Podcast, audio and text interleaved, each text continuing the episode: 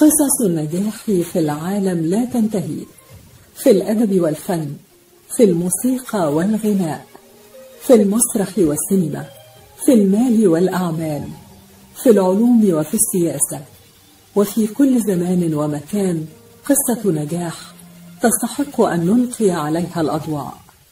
ونحن معكم على راديو صوت العرب من أمريكا نقدم لكم من خلال هذا البرنامج قصة من قصص النجاح.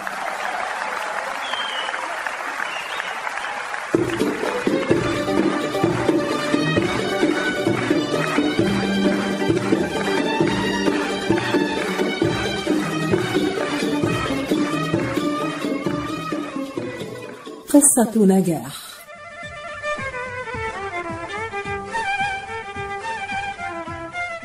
قصة نجاح من إعداد وتقديم مجدي فكري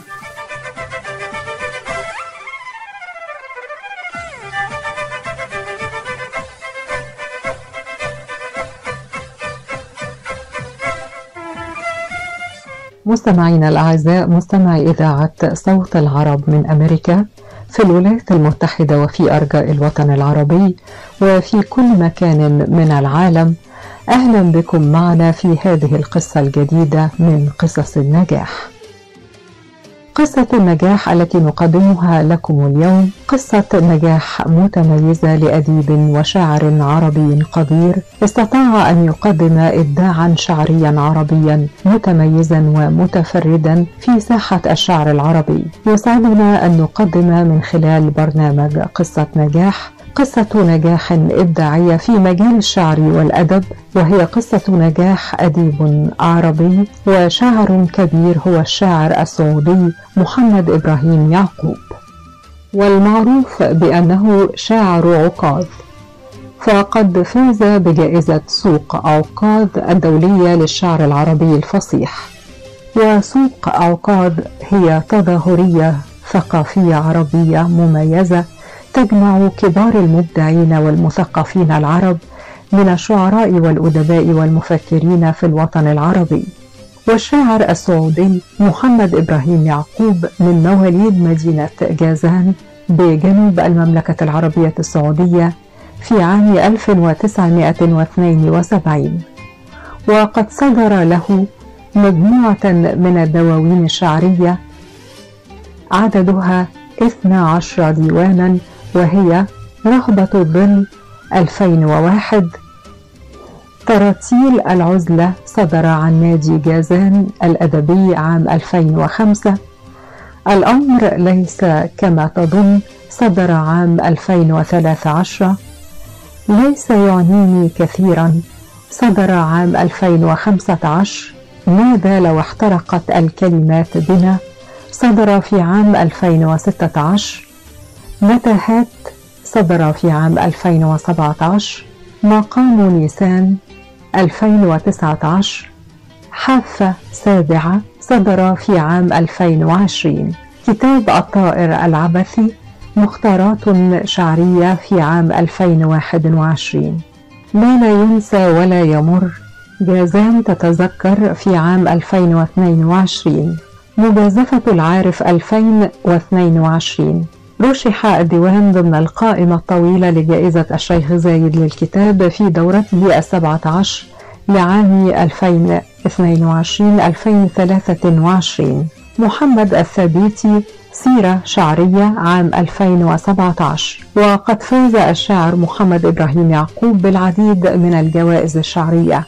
أهمها على الإطلاق جائزة شاعر عقاد أو أمير عقاد في عام 2019 ومن أهم الجوائز التي حصل عليها أيضا جائزة أبهى الثقافية في الشعر العام 2009 وصيف أمير الشعراء في برنامج أمير الشعراء الذي نظمته هيئة أبو ظبي للتراث والثقافة 2008 وجائزة راشد بن حمد في عجمان لعام 2011 وجائزة وزارة الثقافة والإعلام لعام 2013 جائزة الثبيتي الشعرية عن ديوانه ليس يعنيني كثيرا لعام 2015 أصدقائي المستمعين يسعدنا في هذه الحلقة من حلقات قصة نجاح أن نقدم اليوم شاعرا عربيا كبيرا من شعراء الوطن العربي وهو الشاعر السعودي محمد إبراهيم يعقوب الذي نستضيفه اليوم عبر إذاعة صوت العرب أمريكا. ويسعدنا اليوم أن يكون معنا ضيفا عزيزا على البرنامج. واسمحوا لنا أن نبدأ هذا اللقاء بقصيدة من قصائده الرائعة.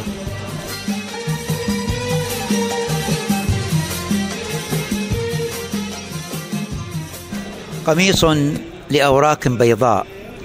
باسمي طرقت الماء. باسمك أدخل. هل تدرك الغيمات؟ ماذا تحمل؟ يا وردة والليل يغلق بابه. من يسأل الرمان كيف يبلل؟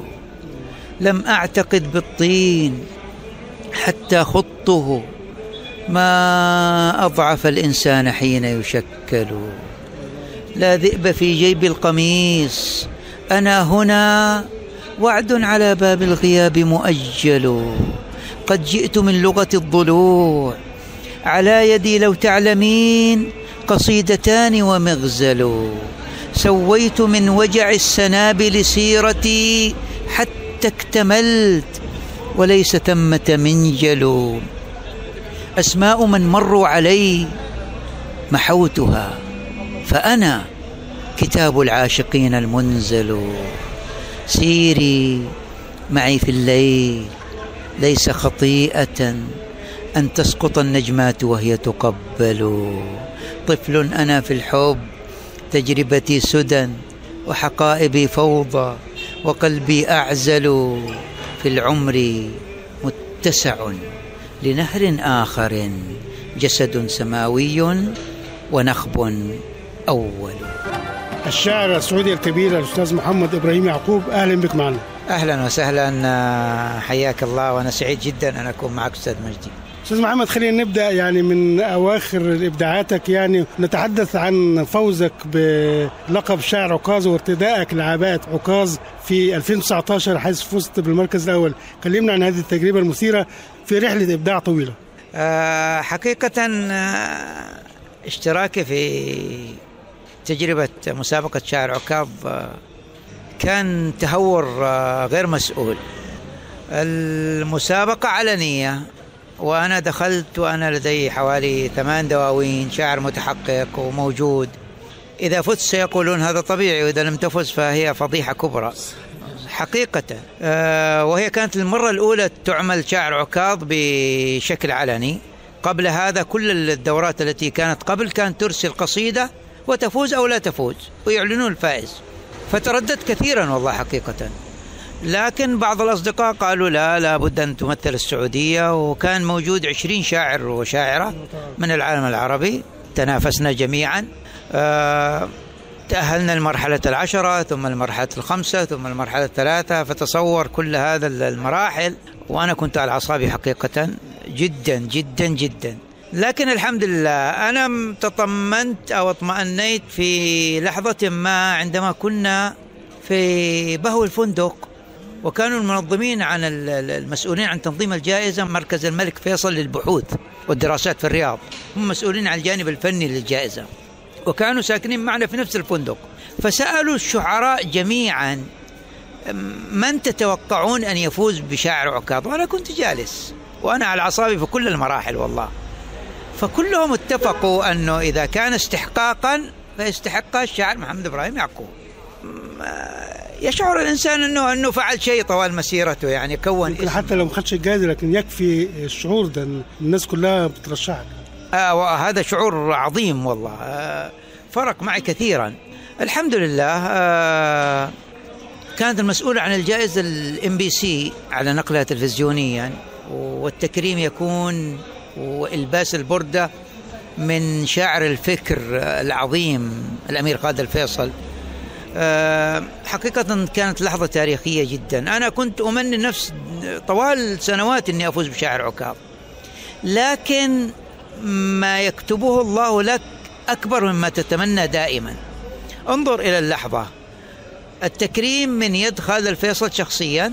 النقل على قناة ال MBC التي يشاهدها الملايين وعلى صخرة عكاظ. التكريم يكون على صخرة عكاظ نفسها ليس في حفل أو في مقر آخر.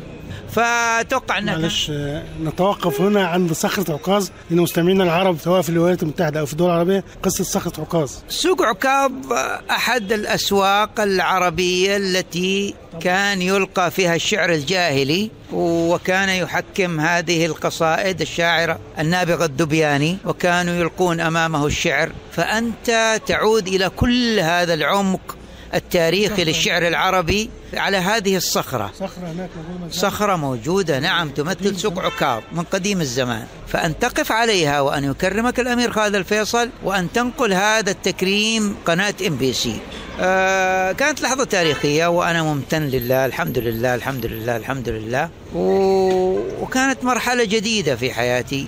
أؤكد لك أني بعدها هدأت كثيرا. آه صرت أكثر هدوءا أكثر تفكيرا أكثر هو ده يمكن أستاذ محمد اللي عايز أسألك عليه. إن شاعر يفوز بجائزة عكاظ وعكاظ هو السوق الشعري العربي الأكبر عبر تاريخ الوطن الأمة العربية والإسلامية شيء عظيم جدا وتاريخ عميق يعني يرتبط بالحداثة وإنك أنت تصبح شاعر عكاظ أعتقد دي نقلة كبيرة في حياة أي شاعر ويتمناها أي شاعر في الوطن العربي. وأعتقد إن دي كانت نقلة فارقة في حياتك. يعني محمد إبراهيم يعقوب قبل شاعر عكاظ شيء بعد شاعر عكاظ شيء تاني خالص. تماما. تماما.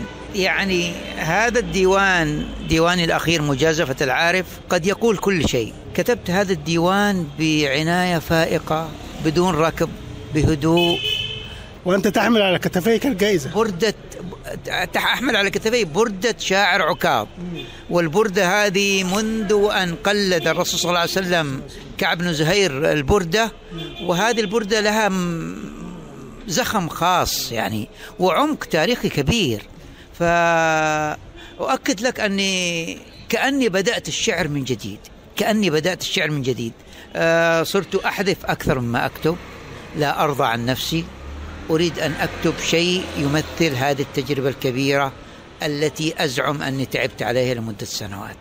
جميل جدا. يعني أعتقد إن يعني حان الآن موعد قصيدة من قصائد آه، اللي فزت بيها نقول مقطوعة. نقول آه، أعراس المواقيت. أفقنا على سكرة ليلتين وسرنا لأرواحنا خطوتين. ولم ننتبذ إثمنا مرة صعدنا إلى إثمنا مرتين. طرقنا المرايا ولم ننتبه فإذ بالمرايا ترى خيبتين. أناشيدنا ما تبقى لنا من الحب والخبز والبين بين مددنا يدا للكلام العصي فلما تعبنا مددنا اليدين. الله الله جميل جدا. الشاعر الكبير الأستاذ محمد إبراهيم يعقوب ونحن نجلس الآن نتحاور في هذا البرنامج آه، أمامي ديوان آه، مجازفة العارف وهذا الديوان آه، يعني رشح في القائمة الطويلة لجائزة الشيخ زايد وإن شاء الله يكون في الجائزة القصيرة وإن شاء الله يكون يعني وشنا حلو عليكم ونبارك لهذا الديوان فوزه بالجائزة جائزة الشيخ زايد ويكون يعني بداية جديدة كمان أيضا بعد جائزة عكاظ إن شاء الله. بإذن الله. أتمنى ذلك وأتمنى أن يكون وجهكم وجه السعد علي بإذن الله. عايزين نتكلم عنه ونختار برضه منه قصيدة إن شاء الله. آه، أولا هو رشح القائمة الطويلة. القائمة القصيرة ليس بعد وأنا أتمنى إن شاء الله يكون وشنا حلو عليكم بإذن الله وأنا أراهن على هذا الديوان بإذن الله وإن شاء الله وجهك يكون خير علي بإذن الله. آه، مجازفة العارف تجربة خاصة جدا جدا. قسمته إلى ثلاثة أقسام. آه، أولا المفارقة في الديوان مجازفة العارف. كيف للعارف أن يجازف يعني؟ قسمته إلى ثلاث أقسام. قلق إنساني ثم فناء طوعي ثم انكشاف ماثل. قلق إنساني يمثل مني إلى العالم. وفناء طوعي مني إلى الآخر. وانكشاف ماثل من العالم لي. اشتغلت عليه اشتغال آه، كبير آه، وأزعم أنه تجربة فارقة كما يقول أستاذ الدكتور فوزي خضر تجربة مختلفة حتى عن شعر محمد إبراهيم يعقوب نفسه وهذا هو الأهم. آه، هذا يعني كتب بعد جائزة عكاظ. جائزة الشعر عكاظ نعم. صرت أكثر ترفقا أكثر هدوءا أكثر تركيزا. لم يعد لم أعد أركض وراء شيء يعني حقيقة. صرت أكتب الشعر لأكتب الشعر. وهذا مهم جدا هذا مهم جدا يعني. أن أن أن يكون الشعر يعمل لحسابه الخاص دون أي آه، عوامل أو مبررات أو أهداف أخرى. أنا كتبت الديوان لأني أريد أن أكتب الديوان. أعلنوا في جائزة الشيخ زايد فتقدمت الجائزة. الحمد لله وصل القائمة الطويلة. و... وأراهن عليه بإذن الله أن يفعل شيئا أن يفعل شيئا. لأني مؤمن بالنص لأني مؤمن بالنص. ليس للشاعر. على النص أن أن يسابق وأن يصارع وأن يحاول ليثبت نفسه. أعتقد أن أو ألمع في حديث حضرتك أن الديوان به مسحة صوفية. أولا أنا أنا مندهش من ذكائك وجمالك. نعم من ال ال ال ال ال الغلاف. هذا الغلاف عملته بنتي. آه. اسمها إيه بقى عشان اسمها دالين. انظر هذا هو اسمها. دالين محمد إبراهيم يعقوب. هي التي عملت لوحة الغلاف. جميل جدا الديوان للسادة المستمعين جميل جدا ومعبر جدا أيضا.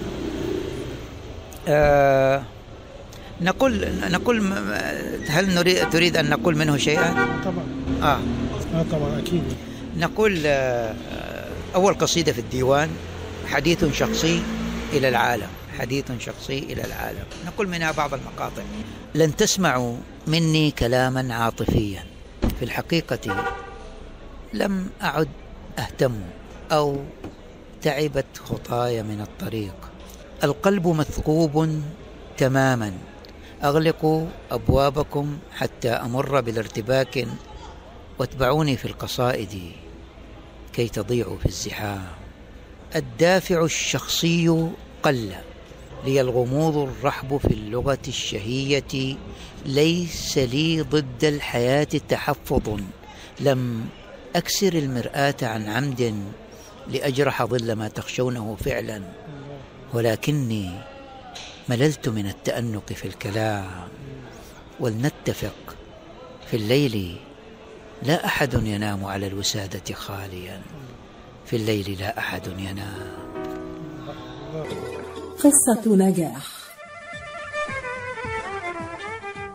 في المدينة الفاضلة يتبع جميع السائقين القواعد ويلتزمون بإشارات المرور. لن يحدث ما هو غير متوقع. في هذا العالم المثالي لن تضطر إلى ارتداء حزام الأمان لكن الحقيقة غير ذلك. في ميشيغان يموت كل عام أكثر من ألف شخص بسبب حوادث السيارات ويجرح آلاف آخرون. لذلك فإن ربط حزام الأمان يقلل خطر الوفاة أو الإصابة الخطيرة جراء الاصطدام بنسبة 45% إذا كنت تقود شاحنة صغيرة اربط حزام الأمان. فهو يقلل الخطر على حياتك بنسبة 60% لأن احتمال انقلاب الشاحنة الصغيرة يزيد بمقدار الضعف عند وقوع الحادث. وهل تعلم أن ثلاثة من كل أربعة أشخاص توفوا جراء انقذافهم خارج سياراتهم عند وقوع حادث الاصطدام؟ لذلك وإلى أن يصبح العالم مثاليا اجعل عالمنا هذا أكثر أمانا. اربط الحزام. رسالة من مكتب ميشيغان لتخطيط السلامة على الطرق السريعة.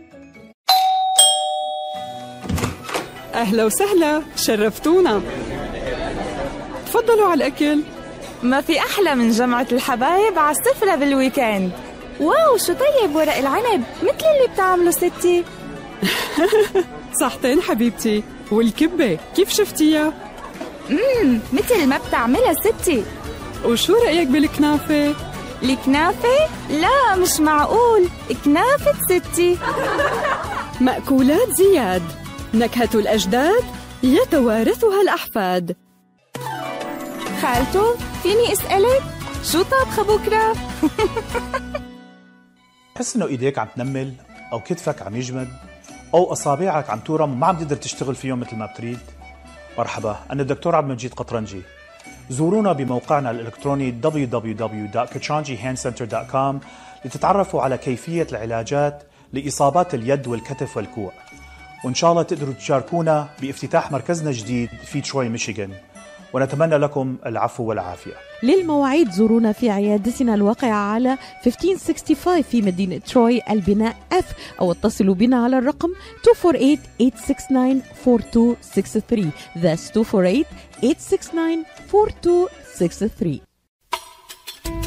طالعة من بيت أبوها رايحة المطعم عشتار فاطمة سلم علي يمكن لحيله جوعان.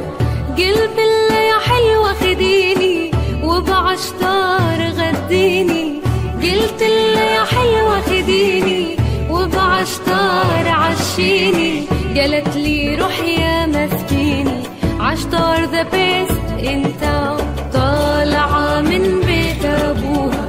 رايحة المطعم عشتار. عشتار مطعم أهل البيت والخطار. 3625 15 Mile Road في مدينة ستيرلينغ هايتس هاتف 586-698-2585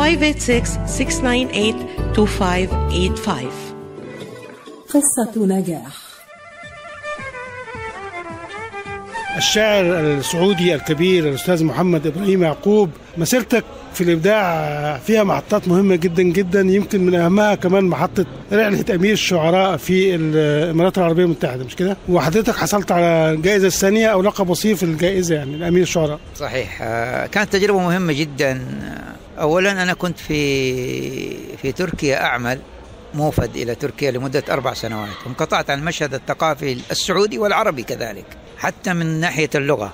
فهذه لها قصة ظريفة. أنا رجعت في بداية نهاية 2007 فقالوا لي بعض الأصدقاء أن صديقك جاسم الصحيح يشارك في برنامج أمير الشعراء في الموسم الأول. آه، في الحلقة النهائية. لماذا لا تطلع عليها؟ فأنا وأمي جالسين في الصالة نتفرج على الحلقة النهائية للموسم الأول.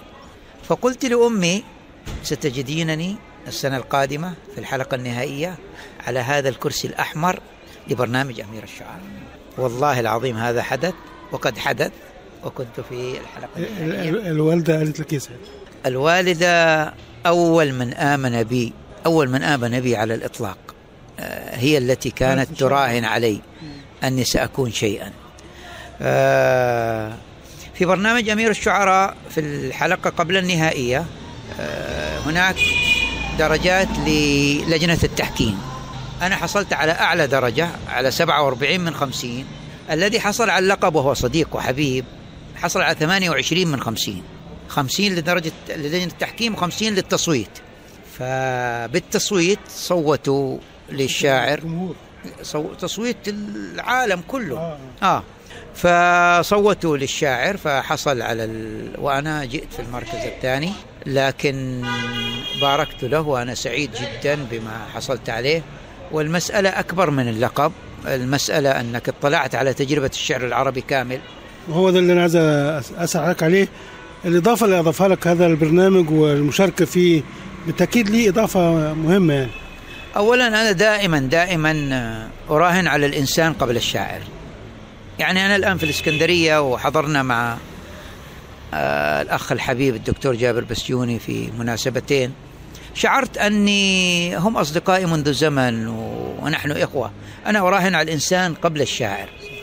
في برنامج أمير الشعراء في برنامج أمير الشعراء أنا كسبت أولا شاعر في كل بلد عربي. وإلى الآن على تواصل مع الجميع. وهذا مهم. تجارب شعرية مختلفة. تجارب شعرية مختلفة. اطلعت على تجارب في الجزائر وفي عمان وفي العراق و و و. آه، ثانيا أنا كنت آه، أخذت التجربة بابتهاج كبير. أصعد على الم- على المسرح وأنا مبتسم وأهنئ زملائي قبل أن أهنئ نفسي وأفرح لهم قبل أن أفرح لنفسي بحب كبير. آه، ثالثا عرضت تجربتي على العالم العربي. آه، ذهبنا إلى موريتانيا بعد برنامج أمير الشعراء. والله يحفظون ليس قصائدنا فقط حتى اللقاءات الحوارية داخل برنامج أمير الشعراء يحفظوها. حضر الأمسية ثلاثة آلاف موريتاني. حضروا أمسيتنا. فكل هذا الحب يدفعك إلى الأمام. المسألة ليست شعرا فقط. المسألة أن يكون داخل هذا الشعر إنسان. أنا أراهن دائما والله على الحب وعلى الإنسانية. وأكسب دائما الحمد لله. ما دمنا تحدثنا عن الإنسان والإنسانية. آه، ندخل إلى عالم آه، الشاعر السعودي الكبير محمد إبراهيم يعقوب علمه الإنسانية. عليك نشأت في مدينة يعني نستطيع أن نقول أنها مدينة حدودية بين السعودية واليمن وبالتأكيد لها تقاليد وعادات مختلفة جدا عن المناطق الأخرى زي جدة والرياض والمدينة والحدود الشرقية. فيعني كلمنا بقى عن النشأة إزاي كانت يعني وإيه اللي ارتبط بيك في الشعر وقتها؟ لأحدثك أولا عن جازان. جازان منذ القرن الرابع الهجري لم يقف مسار الشعراء في هذا المكان. منذ القرن الرابع الهجري. أستاذنا الأستاذ حجاب الحازمي لديه كتاب الشعر في جازان من القرن الرابع إلى القرن الثالث عشر. ثم جاء العهد السعودي واستمرت هذه ال... فأنا من بيئة تعتبر هي آه، أحد الإعلاميين يقول عن جازان إذا كانت المملكة العربية السعودية هي الاحتياط النفطي للعالم فجازان هي الاحتياط الشعري للمملكة. 80% من الفن والثقافة والإعلام والشعر والأدب للمملكة العربية السعودية من جازان. أعتقد يجمع تجمع بين الصحراء والبحر أيضا. آه، جازان الوحيدة في المملكة العربية السعودية التي تحتوي على كل التضاريس جبل وسهل وبحر وجزر. كل التضاريس موجودة في جازان. آه، جازان فيها نماذج حية للشعراء. أنا أقول أن جازان استمرت في هذه الشاعرية على مدى هذه السنوات لأني أنا درسني شاعر أو جاري شاعر أو صديق والدي شاعر يكتب بالفصحى فبالتالي بالتأكيد سأتأثر. مثلا مثلا أمريكا عظيمة في كرة السلة لأن السلة في كل حي كرة السلة في كل حي وهكذا. نحن في جازان في كل مكان في شاعر إما متذوق للشعر. أو شاعر أو ناقد. فلا بد أن يكون لدينا شعراء بالفصحى. لكن أنا أذكر في بداية حياتي الشعرية ذهبت لمقابلة المؤرخ الكبير محمد بن أحمد العقيلي. هذا مؤرخ الجنوب كله وحصل على جائزة الملك عبد العزيز آه، في الجنادرية. رحت لأطلعه على بعض قصائدي. اطلع وقال جيد ثم قال لي أتعلم أين المأزق يا ابني محمد؟ قلت له أين المأزق؟ قال من ينظرون إلى المشهد من خارج جازان يرون أن المشهد شعري وجميل لكن الشعراء داخل جازان لكي تتميز وسط كوكبة هؤلاء الشعراء جميعا تحتاج إلى جهد عالي وإلى موهبة عالية وإلا ستكون ضمن القطيع.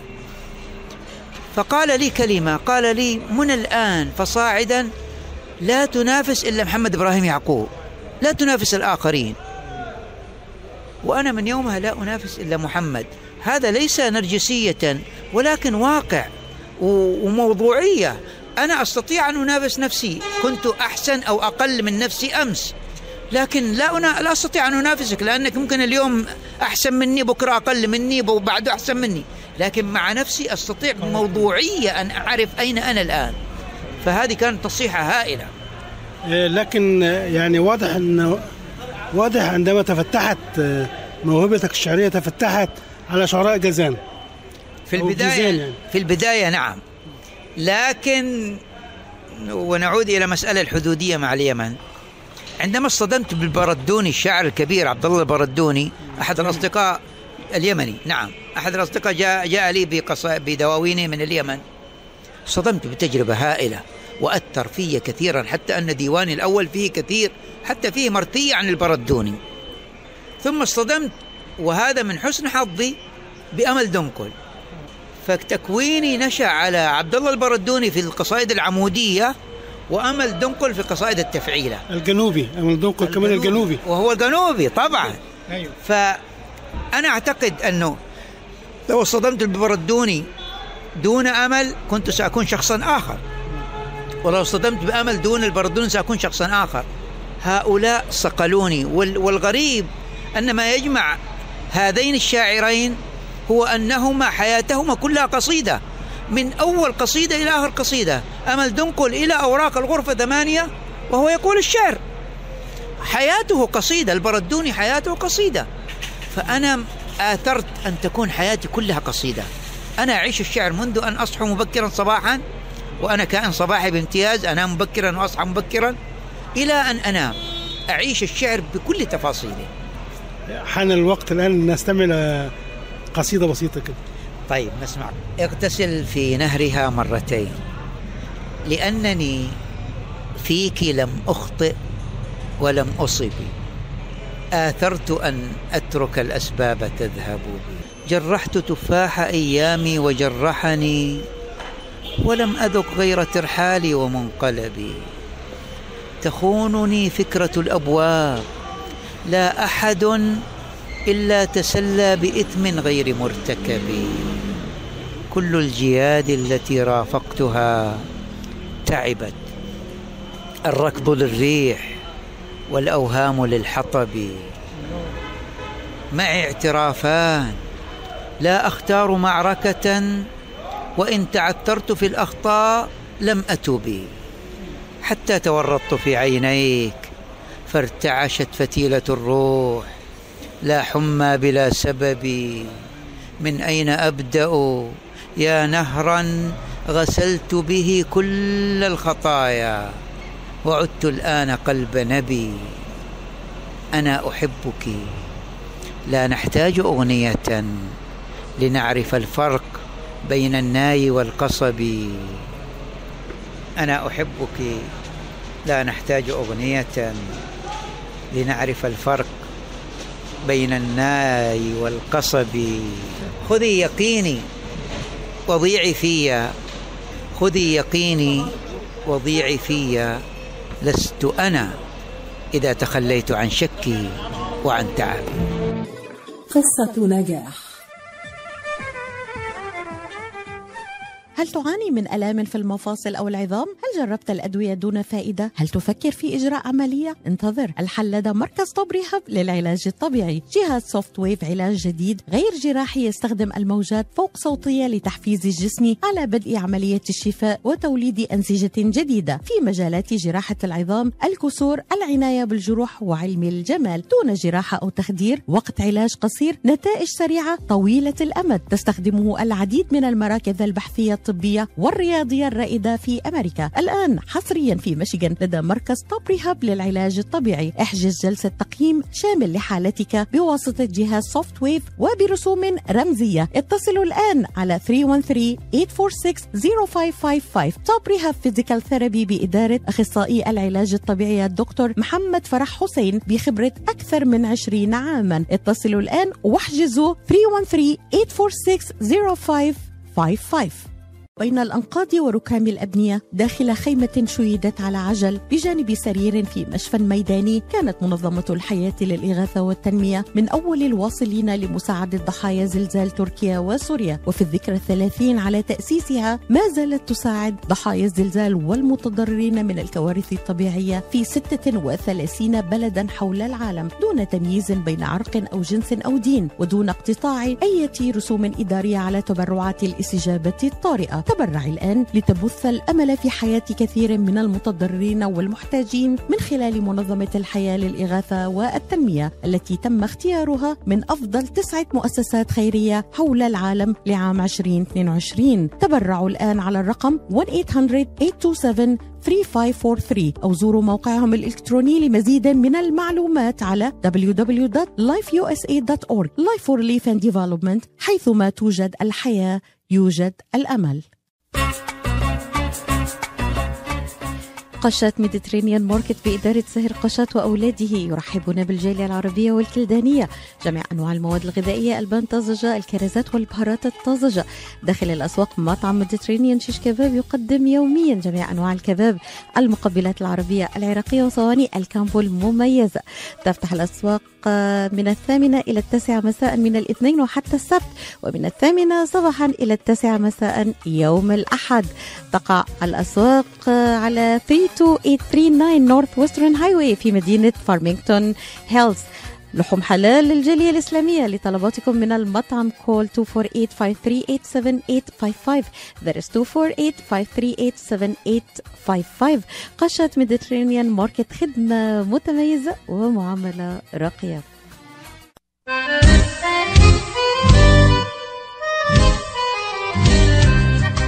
New Concept Products and Design بإدارة ناجي عبود هل تحتاج فتح مطعم؟ هل تحتاج فتح محل المواد الغذائية؟ هل تحتاج تصاميم وخرائط؟ اتصل بناجي عبود على الرقم 734-744-9796 هل تريد شراء معدات المطابخ والمطاعم وبأسعار مخفضة وتسهيلات بالدافع؟ اتصل بناجي عبود الآن على الرقم 734-744-9796 خصم 5% عند الشراء ب 75 ألف أو أكثر على كافة المواد. لمزيد من المعلومات زوروا موقعهم الإلكتروني على www.newconceptproducts.com أو زوروهم في موقعهم الجديد. 31185 Schoolcraft in Livonia. ناجي عبود العلامة المميزة في عالم المطابخ. قصة نجاح. الشاعر السعودي الكبير الأستاذ محمد آه، إبراهيم يعقوب آه، من الدواوين التي أبدعت فيها أيضا ديوان تراتيل العزلة. نتكلم عن هذا الديوان. آه، تراتيل العزلة هو الديوان الثاني وأنا دائما أقول للشعراء أن الديوان الأول سيعذرك الناس على كل أخطائك لأنه ديوان أول وجمعت فيه ما كتبت في البدايات لكن الديوان الثاني محك كبير لكل شاعر. لأن المفترض أنك نضجت وتعلمت من الديوان الأول. تراتيل العزلة هو الديوان الثاني لي 2005 كتبته وأنا في تركيا. انعزلت عن المشهد العربي بالكامل فسميته تراتيل العزلة. آه قصيدة تراتيل العزلة بالذات أتوقع أنها نقلتني إلى مرحلة ثانية ووجدت صوتي. وجدت صوت محمد الخاص. في رهبة الظل أنا كنت أقلد أمل دنقل أو أحمد شوقي. أو عبد الله البردوني ما فيها كلام وأنا أعترف بهذا. لكن في ديوان تراتيل العزلة أنا عثرت على محمد. لذلك أنا يعني لي كثيرا هذا الديوان. أحد الأصدقاء الآن لي 12 ديوان يقول لي أنه إلى الآن أنا أحب تراتيل العزلة لأني وجدت محمد فيه. فأنا أحب قصيدة تراتيل العزلة وأحب ديوان تراتيل العزلة وهو فاز بجائزة في جازان أقول أقول نص أقول قطعة من تراتيل العزلة. تراتيل العزلة. بمن سوف أنجو زورق الليل مغمد وفي لجتي سيفان ناي وموعد. وصوتي الذي في الجب قد فاض ماؤه وفضت لياليه التي كنت أشهد. ولم أدر هل في الريح علقت أضلعي وقد ينقض الإنسان ما ظل يعقد. صعدت المرايا كلما خلت بهجة تنبهت أن الفقد من كان يصعد. كأني وتطوافي غريران أنصتا إلى حكمة الأشجار والخطو ينفد. وما نبتة الإفصاح إلا خرافة فلا الماء عراف. ولا الظل يحمد. جميل جدا جدا. قصة نجاح. في الشتاء نقضي معظم أوقاتنا في الأماكن المغلقة مع كثير من الناس سواء كان ذلك لتشجيع الفريق الرياضي المفضل أو الاحتفال مع العائلة والأصدقاء أو السفر لقضاء عطلة بعيدة. ساعد في حماية نفسك وعائلتك والآخرين في المجتمع. لتستمتع بشتاء آمن حافظ على تلقي أحدث جرعة من لقاح كوفيد-19 والإنفلونزا. لمعرفة المزيد يرجى زيارة michigan.gov covid vaccine. رسالة من وزارة الصحة والخدمات الإنسانية في ولاية ميشيغان. حكي معونة فهم في العين. وافهم كمان ومن بمثل خبرة الدكتور عماد نقاش أستاذ الطب وجراحة العيون في جامعة وين؟ خبرة طويلة في التعامل مع أمراض العيون وجراحتها عمليات تعديل وتصفية النظر إزالة الماء الأبيض والأسود الجلوكوما وتصحيح النظر من أثار مرض السكر. كادر متخصص ومتدرب لخدمتكم. شعبة متخصصة للنظارات الطبية والهندسة اللاصقة. يقبلون معظم أنواع التأمين الصحي. زوروهم في عيادتهم الواقعة على جنار والناين مايل في مدينة هيزل بارك. للمواعيد اتصلوا على 248 336 3937 248 336 3937 أو عيادتهم في راجستر هاوس للمعلومات اتصلوا على 248 299 3937 248 299 3937 حاولنا كتير. خلينا نحاول كمان مرة. الكلفة كبيرة والاحتمال ضعيف. يعني ما في أمل؟ للأسف حبيبتي. هنالك أمل. لدى مركز إخصاب آي في اف ميشيغان الذي صنف من بين أفضل خمسين عيادة إخصاب في أمريكا. وفق مجلة نيوزويك لعام 2023 ويعتبر الدكتور نيكولاس شما مؤسس مراكز IVF ميشيغان وأوهايو من أهم اخصائيي العقم في أمريكا حيث أجرى أكثر من عشرين ألف عملية طفل أنبوب ناجحة. حققت حلم الأبوة لكثير من الآباء والأمهات. وهو حاصل على البورد الأمريكي في أمراض النساء والتوليد والعقم والغدة الصماء التناسلية. الآن ولفترة محدودة. خصم ألف دولار للحالات المؤهلة لإجراء عمليات في عيادات IVF ميشيغان لمزيد من المعلومات يرجى الاتصال على 2489 IVF أمل يولد من جديد. قصة نجاح. أنا عايز أسأل حضرتك سؤال يعني أول قصيدة كتبتها كان عندك كم سنة؟ آه 15 مثلا؟ لا والله مو 15 أكثر. أنا أنا لي موقفين مع الشعر كلها مع أحمد شوقي عجيب هذا أحمد شوقي. يعني من كل النصوص الأدبية اللي في درسناها في في في المتوسطة أحفظ أرى شجرا في السماء احتجب وشق العنان بمرأى عجب. قصيدة عن النخل لأحمد شوقي. في القبول في الجامعة أنا قدمت على كلية الطب جاءنا في ال في ال في, ال في الاختبار التحريري بيت لأحمد شوقي وما كنت أعرف. قف دون رأيك في الحياة مجاهدا إن الحياة عقيدة وجهاد. فزعلت إني ما أعرف البيت لمين. هم كاتبين البيت وكاتبين عدة شعراء فأنا ما عرفته ف... فأسررتها في نفسي. من ثالثة ثانوي بدأت آه بدأت أقرأ وأكتب. أتذكر أول بيتين توقعت إنها موزونة. ما راح أقولها طبعا. ما أدري أحاول أتذكرها والله أنا عارفها. رأيت الشعر في عينيك يغري فؤادا للمحبة كم أراد أتذكر منه هذا. حسيت إنه إنه ده صح يعني. ما كنت أعرف العروض ولا أعرف ولا شيء. ثم بدأت أكتب أشياء بسيطة.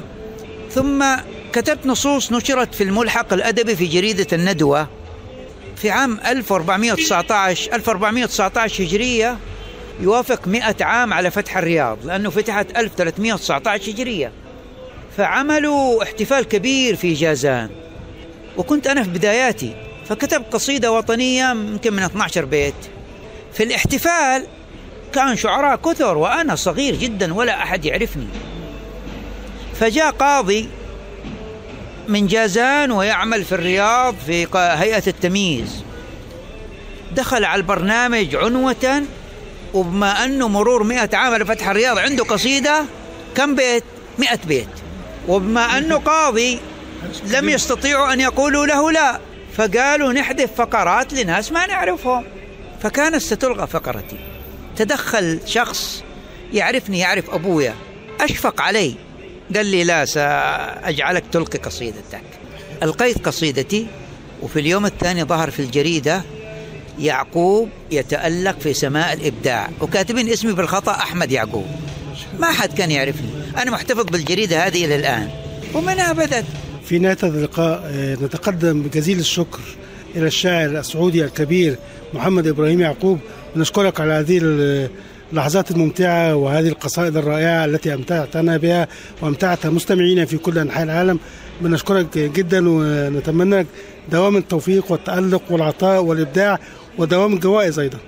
أنا أشكرك جدا أنت شخصيا أستاذي الكريم على هذا اللقاء. أشكر إذاعتكم الكريمة وأتمنى لك وللإذاعة مزيدا من التوفيق. شكرا جزيلا. شكرا. شكرا لكم مستمعينا الكرام وإلى اللقاء مع حلقة جديدة وقصة جديدة من قصص النجاح. شارك في تقديم هذه الحلقة منال زيدان.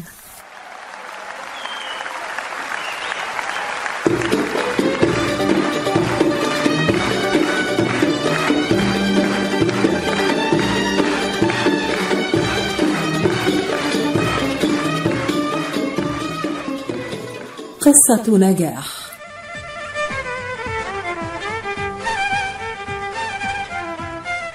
قصة نجاح من إعداد وتقديم مجدي فكري.